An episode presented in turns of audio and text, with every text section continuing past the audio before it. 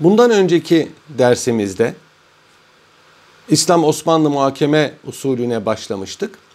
Muhakeme usulü iki kısımda e, tetkik ediliyor arkadaşlar. Kaza ve dava.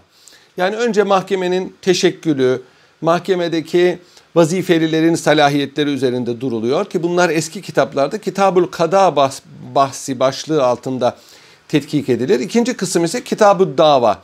Dava kısımlarında tetkik edilir. Şimdi arkadaşlar bir hukuki itilafın çözülmesi için dava açmak şarttır. Dava salahiyetli merci huzurunda bir kimsenin ihtilaflı bulunduğu bir kimseye ait ihtilafını arz etmesi demek.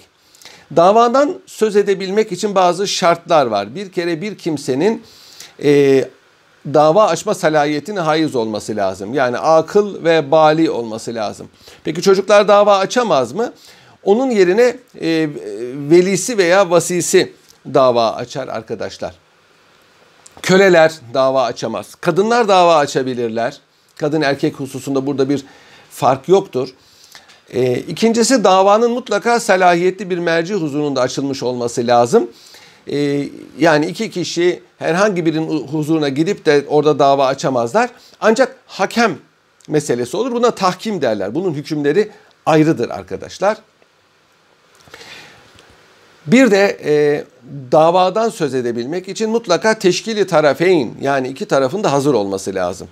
Bir kimsenin hukuki itilafını bir e, merciye, salahiyetli merciye götürmesi tek başına kafi değil. Yani benim böyle bir meselem var. Ne diyorsunuz diye sorduğu zaman buna dava demezler. Bu bir fetva sormadır.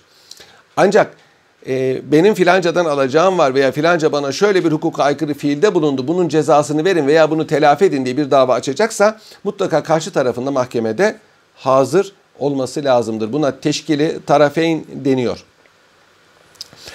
Arkadaşlar İslam hukukunda gıyapta muhakeme yoktur. Yani e, tarafın yani davalı tarafın e, hazır bulunmadığı bir davaya bakılamaz. Peki o zaman davacının hakkı haleldar olmaz mı? İşte bunun için şöyle bir husu, e, usul e, konulmuştur. Bir kimse dava açtığı zaman eğer davalı hazır değilse veya mahkemede hazır edilemiyorsa bazen hazırdı da mahkemeye getirilemez. Yani nerede olduğunu bilirsiniz mahkemeye getiremezsiniz. Zor kullanarak getirme salahiyeti var mahkemenin. Zor kullanarak da getiremiyorsa uzak yerdedir veya nerede olduğu bilinmiyordur. Bu takdirde mahkeme bu e, gıyapta olan, gayip olan kişinin e, yerine bir vekili musahhar tayin eder. Yani onu destekleyen vekil tayin eder. Bugün e, parası olmayan mahkumların ceza e, hukukunda parası olmayan zanlıların barodan avukat tayinine benziyor ama aynı değil. Aynı değil arkadaşlar. Burada burada kadılık tayin ediyor onu vekili musahhar olarak gayip olan kişiye. Bunun tafsilatı uzundur. Gayip sonradan ortaya gelse tekrar muhakeme yapılır ilahir ilahir ama o zamana kadar en azından davalıcı hakkını alır. Şimdi arkadaşlar dava açmak hukuki itilafın halli için şarttır. Dava açılmadan kadılar hüküm veremez. Peki dava açmadan kadıların hüküm verdiği hususlar var mı? Var. Mesela vekaletname çıkartıyorsunuz. Mesela vasiyetname hazırlıyorsunuz. Mesela nikah izinnamesi çıkartıyorsunuz. Vakıf vakıfnamesi hazırlatıyorsunuz. Yani kadılar e, kaza sıfatıyla değil de noterlik sıfatıyla, kitabeti adil, katibi adillik sıfatıyla e, hüküm verdikleri zaman buna hüküm denmiyor, ilam denmiyor, hüccet deniyor. Hüccet deniyor. Bu da hüküm gibidir ama aslında hüküm değildir. Çünkü burada bir dava yoktur. Bu apayrı bir meseledir. Ama bu da kadıların vazifeleri arasındadır. Zaten devletin varlık sebebi budur. İnsanlar arasındaki itilafları çözmek ve bunun için e, lazım gelen memurları tayin etmek ki kadılar da bunlardan bir tanesidir. Peki kendiliğinden ihkak hak caiz değil midir? Bir kere bütün dinler ez cümle İslam hukuku kendiliğinden ihkakı hakkı ve kan davasını men eder. Bir kere kendiliğinden ihkak hak ne demek? Hiç davasını mahkemeye götürmeden bizzat kendisinin işi çözmesi. La darar ve la dırar. Hazreti Peygamber buyuruyor ki zarar vermek yok. Zarara zararla mukabele etmekte yoktur. Peki o zaman ne olacak? E, hukuken mağdur olduğunu iddia eden bir kimse mahkemeye müracaat edecek. Bulunduğu beldenin kadı efendisine müracaat edecek. Peki bazen öyle haller olur ki mahkemeye müracaat ettiğiniz zaman e, hakkınızı kaybedersiniz. sadece bu istisnai hallerde kendiliğinden ihkak hakka izin verilmiştir. Meşru müdafaa bu değil. Meşru müdafaa ayrı bir şeydir. Ama mesela kiracınız kirayı ödememiş bir bakıyorsunuz ki arabaya yüklemiş eşyaları kaçıyor. Bu eşyalara el koymanız e, meşrudur. Alacaklığınız var. Size borcunu ödemiyor. E, borcu almak da kolay değildir. Alacaklının size olan borcuyla aynı miktarda ve cinste bir malı elinize geçiyor bir şekilde. Çalmak değil. Bunu buna el koyabilirsiniz. Bu Hanefi mezhebinde. Şafii mezhebinde farklı cinsten de olsa el koyabilirsiniz. Mesela size 100 lira borcu var. 100 lirası elinize geçti. Bu 100 lira el koyabilirsiniz. Bir nevi takas olarak, mahsup olarak bunu düşünebilirsiniz.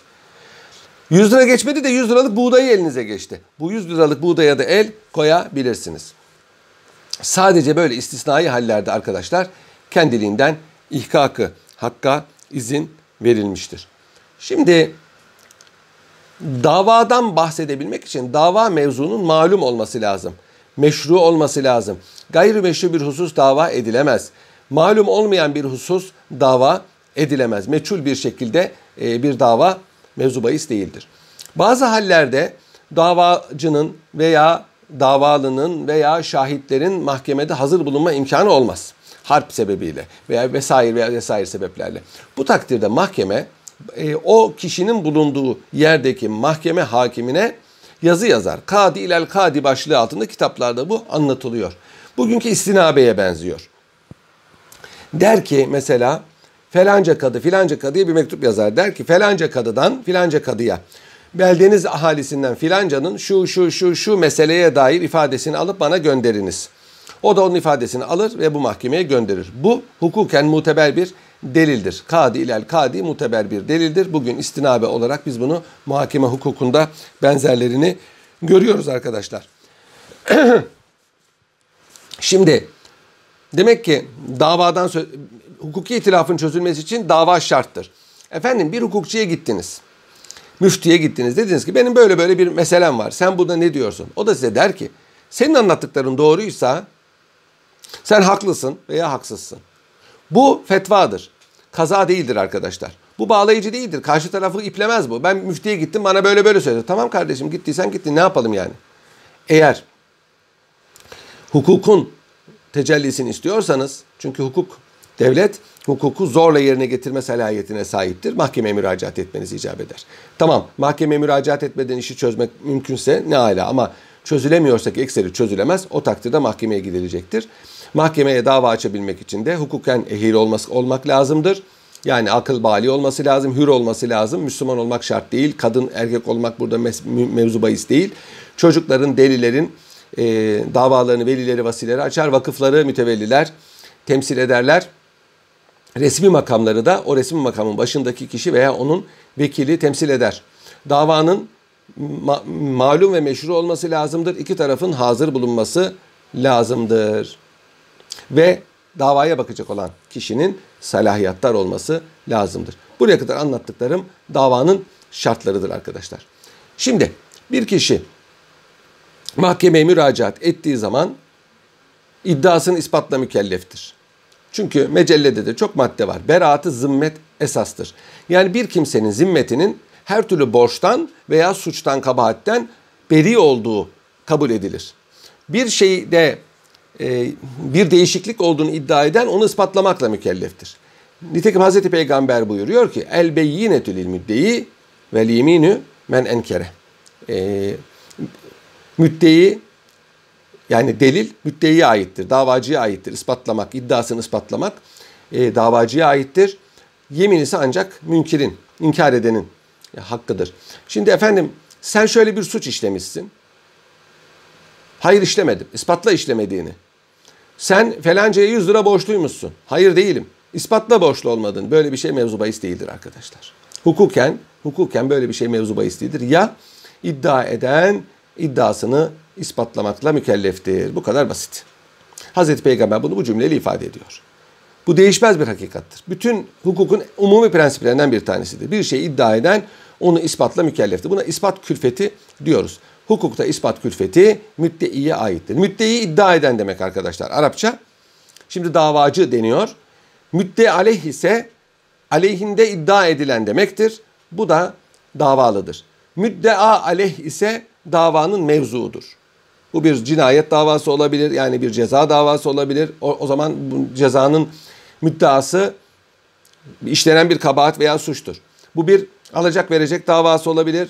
Bu takdirde davanın müddeası o alacak verecektir. Bu bir arazi davası müddali o arazidir. Bu bir tespitse o tespit bunun e, mevzuudur. Bir de müddei umumi var. Geçen ders anlatmıştım. Umumi davacı, kamu davacısı demektir. Ceza davalarında devreye girer. Bir e, suçtan hiç kimse davacı olmazsa o takdirde onların yerine geçip ammenin namına bu işi mahkemeye götüren kişiye müddei umumi denir. Eskiden savcılara müddei umumi deniyordu. Yeni devirdeki bu uydurukça furyasında müddei umuma savcı kelimesini buldular. Halbuki savcı Moğolca'da elçi manasına gelen bir kelime Türkçe zannettiler. Müddei umuma koydular. Yanlış bir e, şeydir, tabirdir. Yargıç, hakime de yargıç dediler. Yargıç. Avukata bir şey demediler. Avukata bir şey demediler. Hukuk ve avukat nedense kaldı. Hukuka bir ara tüze falan demeye çalıştılar ama tutmadı. Avukata tüzemen diyorlardı. O da tutmadı.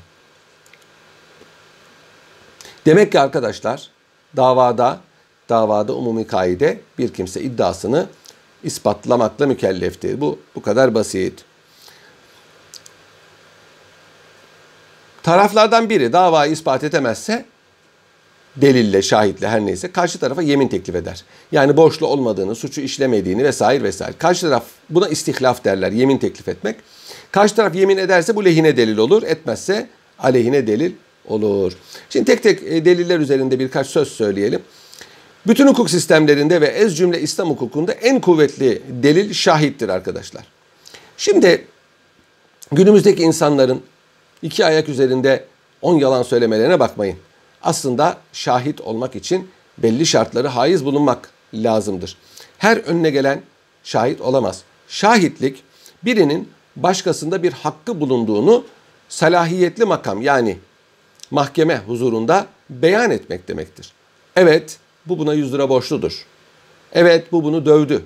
Evet bu arsa bunundur gibi bir şekilde e, irade beyanı da bulunur. Buna şahitlik denir ve bu mahkemede delil olur. Şahitlik ederim demesi e, bu iş için kafidir. Şimdi arkadaşlar şahitlik hem dini hem hukuki bir mükellefiyettir İslam hukukunda. Eğer dava hususi haklara dairse yani hukuku şahsiyeye dair, dair ise nedir bu? Alacak, verecek, arsa, mülkiyet veya iftira, e, hırsızlık, gasp gibi bu takdirde şahitlik yapmak dini ve hukuki bir vecibedir. Bunu yapmak mecburidir. Farz-ı ayındır. Başkaları yaparsa sizden düşer ama başkaları yoksa sizin yapma mecburiyetiniz vardır. Sadece burada değil nikahta, efendim boşanmada, vasiyette yani bir Müslümanın günlük hayatında yapmak mecburiyeti de olduğu akitlerde şahitlik yapmak mükellefiyeti vardır. Bu Müslümanın Müslüman üzerindeki hakkıdır. Bana ne kardeşim senin nikahından, bana ne kardeşim senin vasiyetinden deme hakkı yoktur. Ancak hukuk anmaya dair mevzularda zina gibi efendim bu gibi hususlarda şahitlik yapmamak eftaldir. Kur'an-ı Kerim şahitlik için çağrıldığınızda sakın ha gelmemezlik etmeyin buyuruyor. Ayet-i kerimedir bu. Hazreti Peygamber de had suçlarında şahitlik yapmamak eftaldir buyuruyor. Burada hadisi şerif ayet-i kerimenin hükmünü tahsis etmiştir. İşte onun için tek başına meal okumak e, İslam dinini öğrenmek için kafi gelmez arkadaşlar. Fıkıh kitapları bunların hepsini alıyor. Ayet-i kerimeleri de alıyor, hadis-i şerifleri de alıyor. Öncelik, sonralık e, sırasına göre bunları tasnif edip bir hükme e, varıyor. İşte din odur arkadaşlar. Din fıkıh kitaplarında yazandır. Kur'an-ı Kerim'de yazan veya hadis-i şerif kitaplarında yazan değildir. Evet, günahlarınızı örtün. Men setere, men setere aybe ahihi. Kim bir kardeşinin ayıbını örtü, seter Allah. Uyubehu fi yevmil kıyame. Allah da onun ayıplarını kıyamet günü örter. Bu e, Eyüp Sultan Hazretleri'nin rivayet ettiği bir hadis-i şeriftir. Bunu öğrenmek için tam Mısır'a gitmiştir. Tam Mısır'a kalktı Medine Münevvere'den deveye bindi Mısır'a gitti bu hadis-i şerifi öğrendi ve geldi rivayet etti. Farklı kanallardan rivayet ediliyor. Çünkü bazı şeylerin şuyu vukuundan beterdir arkadaşlar. Yani ammeyi mutazarrır eden suçlar ki malum hat suçları bunlardan da cezalar onun için ağırdır. Bunun yayılmaması için şahitlik yapmamak, dava açılmaması, bu işin mahkemeye götürülmemesi tavsiye ediliyor. Bu sebeple İslam tarihinde ve cümle Osmanlı tarihinde had suçları neredeyse hiç tatbik edilmemiştir. Bu sebeple bazıları Osmanlı Devleti'nin şer'i hükümleri tatbik etmediğini söylüyor. Bu yanlış bir hükümdür arkadaşlar. Zaten had cezalarının tatbiki neredeyse imkansızdır. Şimdi şahitlik asli bir delil. Bütün şeriatlarda ve bütün hukuk sistemlerinde bu böyle arkadaşlar. Ancak şahitliğin muteber olması için bazı şartlar var. Bir kere şahit şahidin şahitlik ettiği hadiseyi efendim e, olduğu zaman gözü gören, aklı yerinde e, hatta bazen bazı davalarda kulağının da duyan bir kimse olması lazımdır. Binaenaleyh küçük çocuk, efendim deli e, şahitlik yapamaz, köle şahitlik yapamaz, sağır ve dilsizler esas itibariyle şahitlik yapamazlar. E, ve gayrimüslimler Müslümanların aleyhinde şahitlik yapamazlar. Bu da prensip itibariyle. Çünkü İslam hukukunda, muhakeme hukukunda şahitlik farklı davalara ve farklı mahkemelere göre farklı hükümlere sahiptir. Şahitliğin laf ile olması lazımdır. Yani kendisinin söylemesi lazımdır. Yemin etmesi aranmaz. Yani şahitlerin yemin etmesi aranmaz ama isterse e, mahkeme şahitlere yemin verdirebilir. Bunun misalleri var. Şahitlerin beyanları birbirine uymazsa şahitlikleri makbul olmaz. İki tane şahit, biri ak derse, diğeri kara derse ikisinin de şahitliği makbul olmaz. Çünkü vakayı reddetmiş olurlar. Şimdi arkadaşlar şahitlerin adil olması lazımdır. Adil ne demek? Adil adaletli demektir ama buradaki manası, hukuktaki manası e, dindeki manası, dindeki salihin karşılığıdır. Dinde salih nedir? Dinde salih büyük günah işlemeyen, yani nedir büyük günahlar? Adam öldürmek, hırsızlık, efendim şarap içmek, e, yalancı şahitlik yapmak, e, büyü yapmak, sihir yapmak, efendim e, bunlar büyük e, günahlardır. Zina etmek, kumar oynamak bunlar büyük günahlardır. Bunları işlemeyen küçük günahlara da yani bir büyük günahlar bir küçük günahlar vardır İslamiyet'te. Kebair, sagair. Büyük günahlar Büyük günahlar insanı cehenneme sokar. Cehenneme sokar. Tövbe edilmedikçe affedilmez. Ancak Allah dilerse affeder. Peygamber şefaat eder, ederse affedilir. Eğer şefaat tövbe etmezse, şefaat olmazsa, peygamber Allah da mağfiret etmezse bunun karşılığında cehennemde azap görür. Kısa bir müddet yani belli bir müddet azap görür sonra bu çıkar. Çünkü müminler ebedi cehennemde kalmazlar. Ancak küçük günahlar bir iyilik yapılırsa arkasından affedilir. Mesela bir kimse küçük bir günah işlese Arkasından da bir iyilik yapsa, sadaka verse, birine iyilik yapsa, işte Kur'an-ı Kerim okusa, abdest alsa vesaire vesaire o günah silinir. İnnel hasenat yüzibne seyyihat. İyilikler kötülükleri götürür. Ama büyük günahlar için bu böyle değil. Peki bir adam hiç iyiliği yoksa o zaman küçük günahları üç tane olunca bir büyük günah mesabesine geçer. Yani iyilikler önceki günahı, bir önceki günahı siler. Ondan önceki iki taneyi silmez. Şimdi bu İslam dinde böyle. Bunun hukukta karşılığı adil. Adalet arkadaşlar iyilikleri kötülüklerinden fazla olan kimse diye tarif ediliyor. Hasenatı seyyiatına galip olan kimsedir. Yani yüzde 51. En az yüzde 51. Buradaki iyilikten kasıt nedir? İslam dininin iyi dediği şeyleri yapanlara iyi, kötü şeyleri yapanlara kötü denir. Dolayısıyla dindeki salih kelimesiyle hukuktaki adil kelimesi aynıdır. Yani namaz kılmayan şahitlik yapamaz. Oruç tutmayan şahitlik yapamaz. İçki içen, kumar oynayan şahitlik yapamaz. Hatta fıkıh kitapları şahitliğin sınırını çok genişletmiştir. Mesela sokakta yemek yiyerek gezenler, güvercin uçuranlar hafiflik olduğu için bunların şahitliği makbul değildir. Yani cemiyetteki aykırı tiplerin şahitliği makbul değil. Niçin? Çünkü aykırı tipler ve dine lakayt olan tipler başkalarının haklarında da lakayt olurlar ve kolayca yalan söylerler. Yani içki içen bir adam yalan söyleyebilir. Söyler değil. Söyleyebilir. O takdirde adil e, olması şart. Peki davacı şahit koştu. Mahkeme hemen reddeder mi bunu siz adil değilsiniz? Hayır. Çünkü İslam hukukunda mahkeme hakimi bir hakem mesabesindedir. Yani Engizisyon gibi değil burada. Tahkik sistemi yok. Davalılar ta, e, davalı ve davacı e, mücadele ederler. Hakim arada bir hakem vazifesi görür. Zahiren bakarlar bu adam şahitliğe uygun mu? Uygun. Tamam. Ama adil olup olmadığı deruni bir şey. Bu nasıl olacak? Mahkeme bunu tahkik etmez. Ancak karşı taraf derse ki efendim bu davanıcının şahitleri adil değiller. Ben bunların adaletine itiraz ediyorum. Bu takdirde mahkeme sırrı ve aleni tezkiye eder. Tezkiye bir kimseyi temize çıkartmak için uğraşmak demek. Zekat bu kökten geliyor. Malı temizler.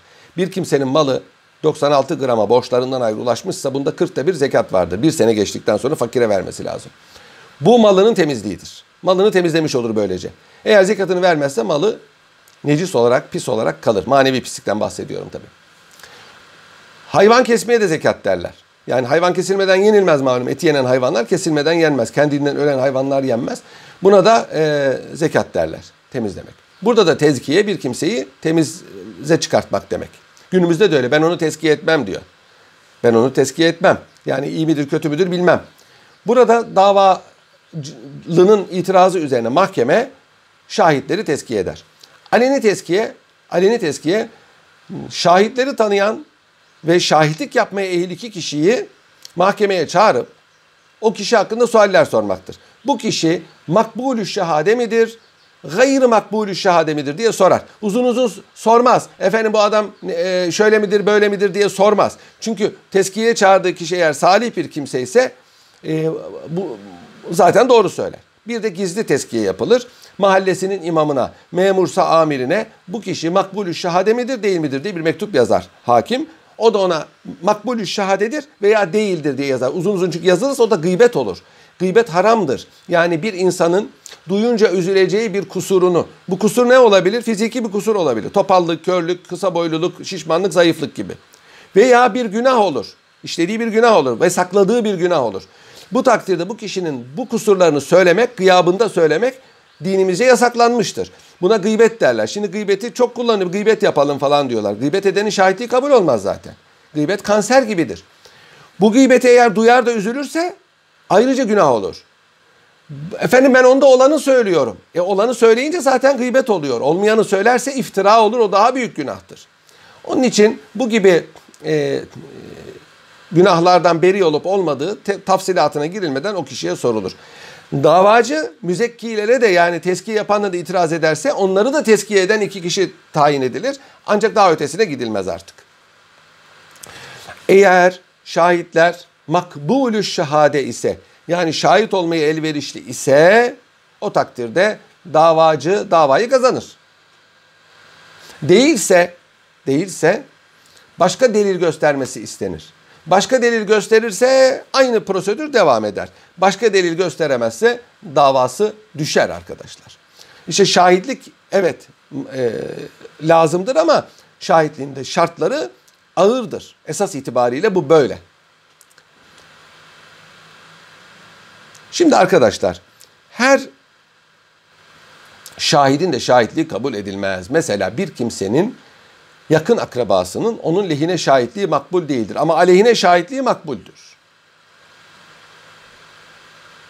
Bir kimsenin hasmının mesela hasım kime derler? Efendim vaktiyle kavga ettikleri biliniyor veya ihtilaflı oldukları biliniyor veya şu anda mahkemede devam eden bir davaları var veya bunlar vaktiyle ortaktılar şirket kavga ederek ayrıldılar karı kocaydılar boşandılar vesaire.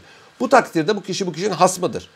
Hasmının hasmının aleyhine şahitlik edemez. Yani bir kimse mahkemede şahit olduğu zaman eğer şahitlik ettiği kimse hasmıysa bu şahitlik de makbul değildir. Hazreti Peygamber demircinin çırağının şahitliğini demircinin lehine kabul etmedi. Dedi ki çırak ustasının aleyhine konuşamaz. Kabul etmiyorum dedi. Yıllar sonra Kadı Şireh zamanında Hazreti Ali bir e, davasını götürmüştü. Küfe kadısıydı Kadı Şireh. Kadı Şireh büyük bir hukukçudur. Meşhur davaları vardır onun. E, şahit olarak kölesini ve oğlunu gösterdi. Kölesi azatlı olduğu için onu kabul etti. Ancak oğlunun şahitliğini kabul etmedi. Çünkü oğlan dedi babaya e, babanın lehine şahitlik yaparsa bu doğru değil. Neye dayandırdın bunu dedi Hazreti Ali dedik. Hazreti Peygamber demircinin şahitliğini kabul etmedi. İşte bu kıyastır arkadaşlar. İslam hukukunda kıyas. Demek ki yakın akrabanın dostun lehine hasımların ise aleyhine şahitlik etmesi makbul değildir. Seman şahitlik.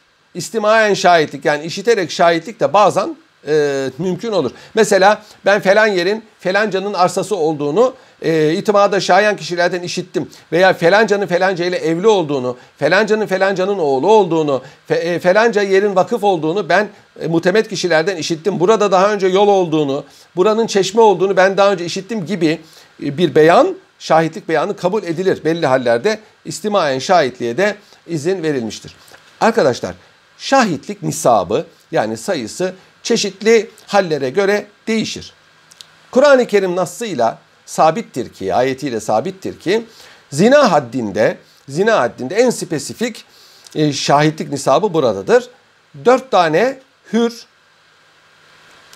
erkek, Müslüman ve adil şahit aranır. Yani dört tane hür, adil, Müslüman erkek bu kadınla bu erkeği biz zina ederken gördük diye mahkemede şahitlik etmeleri lazımdır. Yani başka yerde şahitlik de kafi değil.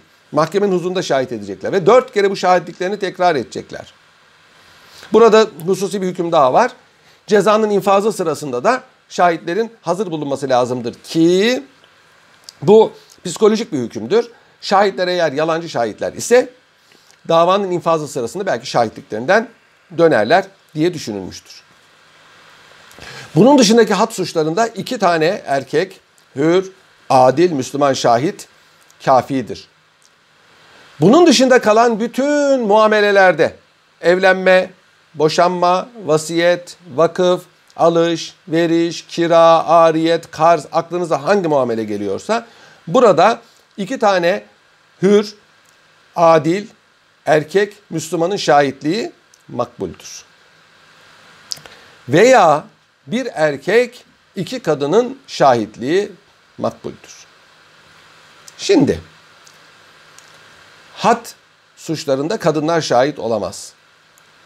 Gayrimüslimler zaten şahit olamaz. Kadın da olsa erkek de olsa. Köleler zaten şahit olamaz. Kadın da olsa erkek de olsa. Çocuklar zaten şahit olamaz.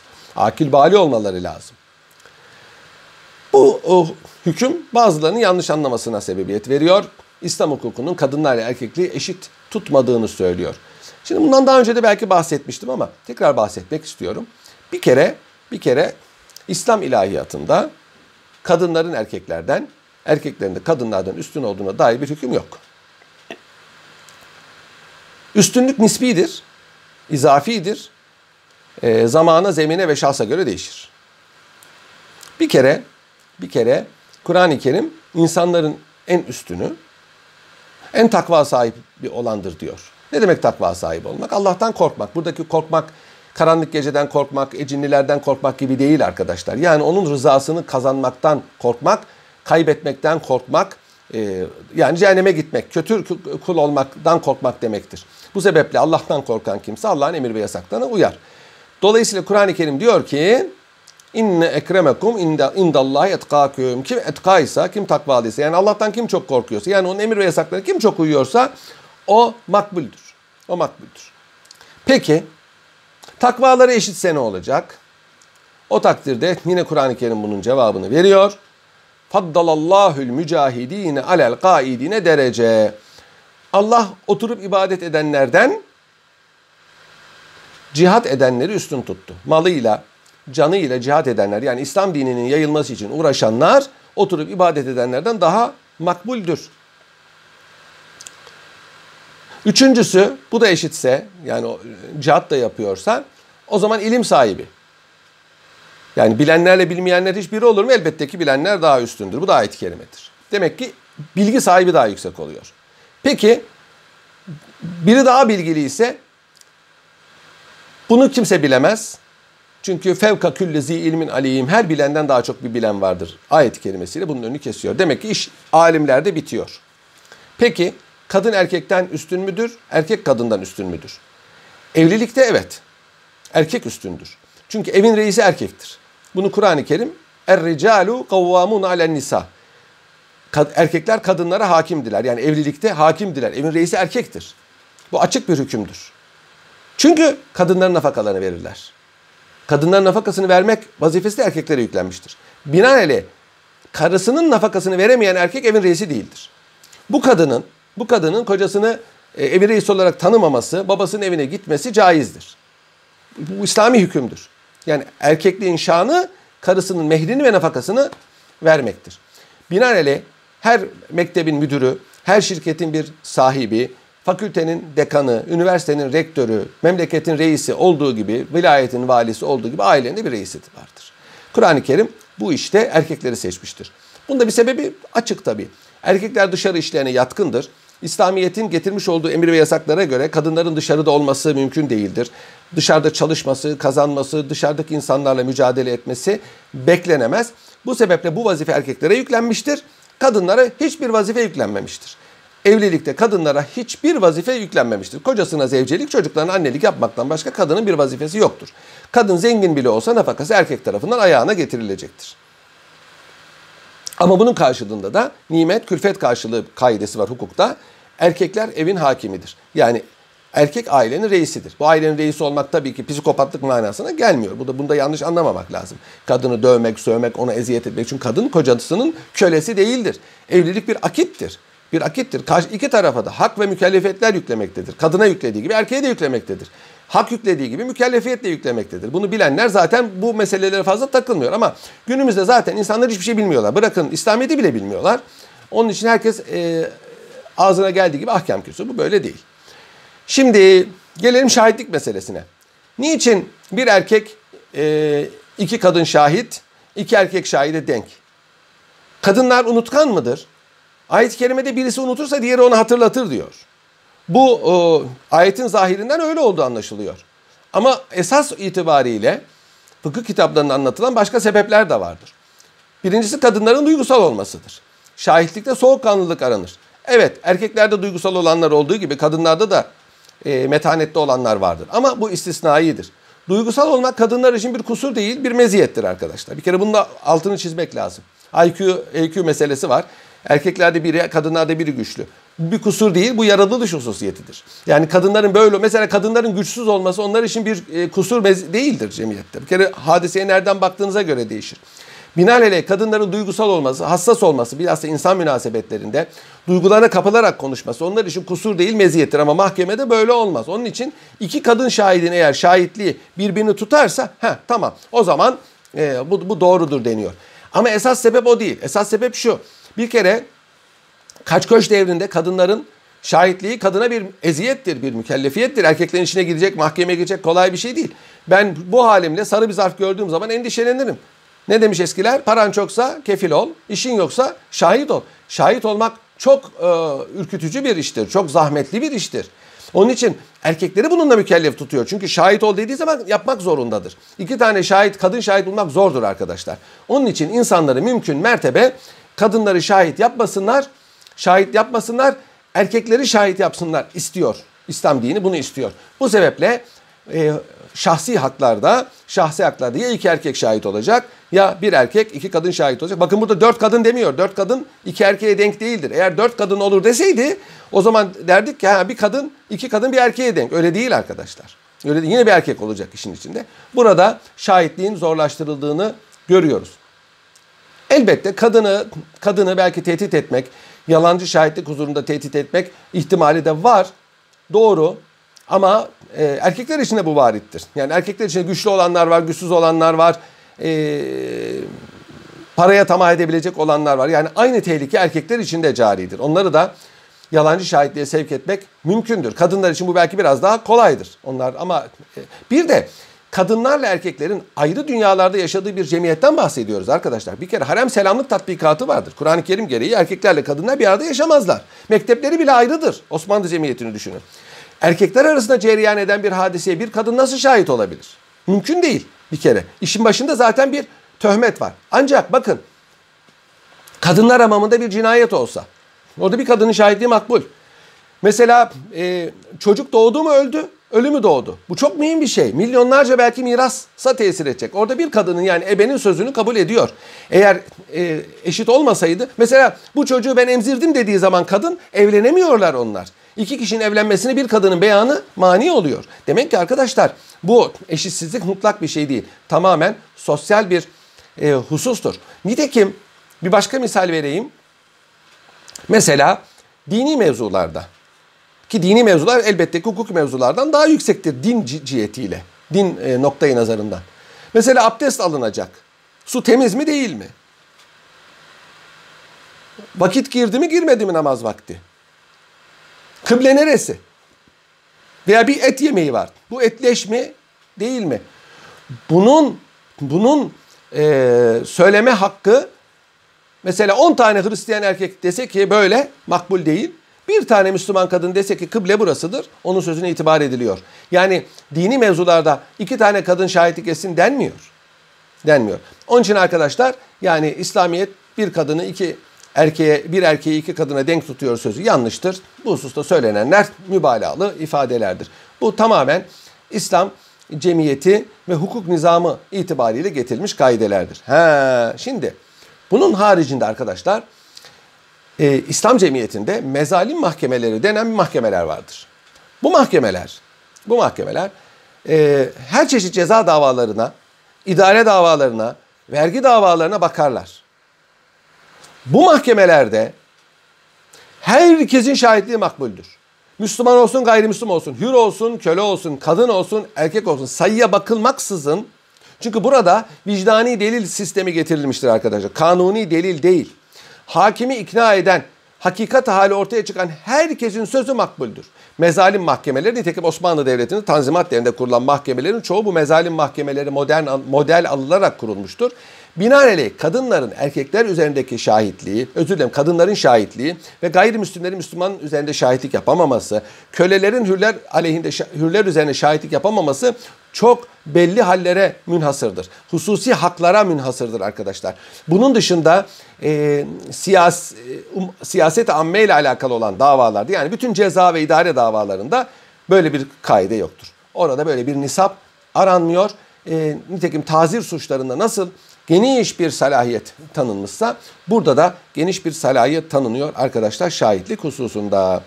Şimdi şahitler hüküm verilmeden önce e, ifadelerinden rücu ederler. Hüküm verildikten sonra dönemezler.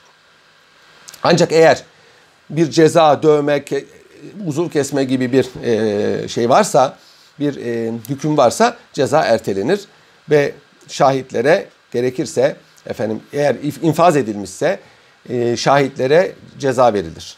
Yani diyet öden, ödetilir. Yalancı şahitse, yalancı şahitliği ortaya çıkmış olan bir kimsenin bir kimsenin e, davadan doğan zararları ödeme mükellefiyeti vardır. Yalancı şahidi bile bile yalancı şahit olarak gösteren kimse de ayrıca ceza alırlar. Yalancı şahitlik büyük bir suçtur. Hem büyük bir günahtır hem büyük bir suçtur hem de şahitliği kabul edilmez. Ve ondan sonra mesela mütevelli olamaz, vasi, vasi veli olamaz. Yani bir takım sosyal e, şeylere düşerler. E, engellemelere maruz kalırlar. Şahit eğer uzak bir yerden geliyorsa yol parası ve e, dava uzun sürüyorsa yövmiyesi de yine onu şahit gösteren tarafından ödenir arkadaşlar. Şimdi e, bazıları diyor ki efendim yani yazılı delil daha makbul, şahit e, yalan söyleyebilir. Hayır arkadaşlar. E, siz bir arkadaşınızla konuştuğunuza mı inanırsınız yoksa e, yazılana mı inanırsınız? Konuşulan her zaman başkadır. Konuşmakta mimikler konuşur, gözler konuşur, her eller konuşur. İnsanı onlar destekler. Onun için her zaman sözlü kültür yazılı kültürden üstündür arkadaşlar. El verir ki konuşan buna elverişli birisi olsun. Onun için yazılı kültür sözlü kültürden üstündür diyemezsiniz. Tarih boyu pek çok milletin tarihi, destanları, edebiyatı sözlü kültürle intikal etmiştir. Yazılı olsaydı kaybolur giderdi. Kaybolur giderdi. Onun için e, ilim sadırdan satıra intikal edince zayi olduğu sözü çok makbuldür. Bu sebeple arkadaşlar e, sözlü kültür güçlüdür. Ama el verir ki el verir ki şahit buna ehil olsun. Tevatür de bir şahitliktir arkadaşlar. Yalan üzerinde ittifak etmesi düşünülmeyen bir grubun beyanı hukuken makbuldür. Mesela Hindistan'ın başşehri neresidir? Yeni Delhi'dir. Ben oraya gittim. Belki içinize gidenler var, gitmeyenler var. Gitmeyenler de Yeni Delhi derler. Neden? Çünkü bir tevatür hasıl olmuştur. Hindistan'ın Bahşehir'in Yeni Delhi olduğunu kimse araştırma ihtiyacı duymaz. Herkes bilir ki Ahmet Bey ile Mehmet şey e, Ahmet Bey ile Ayşe Hanım evlidirler, karı kocadırlar. Herkes tarafından bu bilinir. Bunu ispatlamaları istenmez. Aynı evde yaşıyorlar, herkes onun karı koca çocukları var. Herkes bilir ki bu ev Mehmet Bey'in evidir. Yıllardır burada oturuyor onun evi. Biz öyle biliyoruz. Bu tevatürdür arkadaşlar. Bu kişiye evinin ona evinin ona ait olduğu ispatlaması istenmez. Buna tevatür diyoruz. Tevatür bir delildir. Hem bir bilgi kaynağıdır hem e, hukuki bir delildir.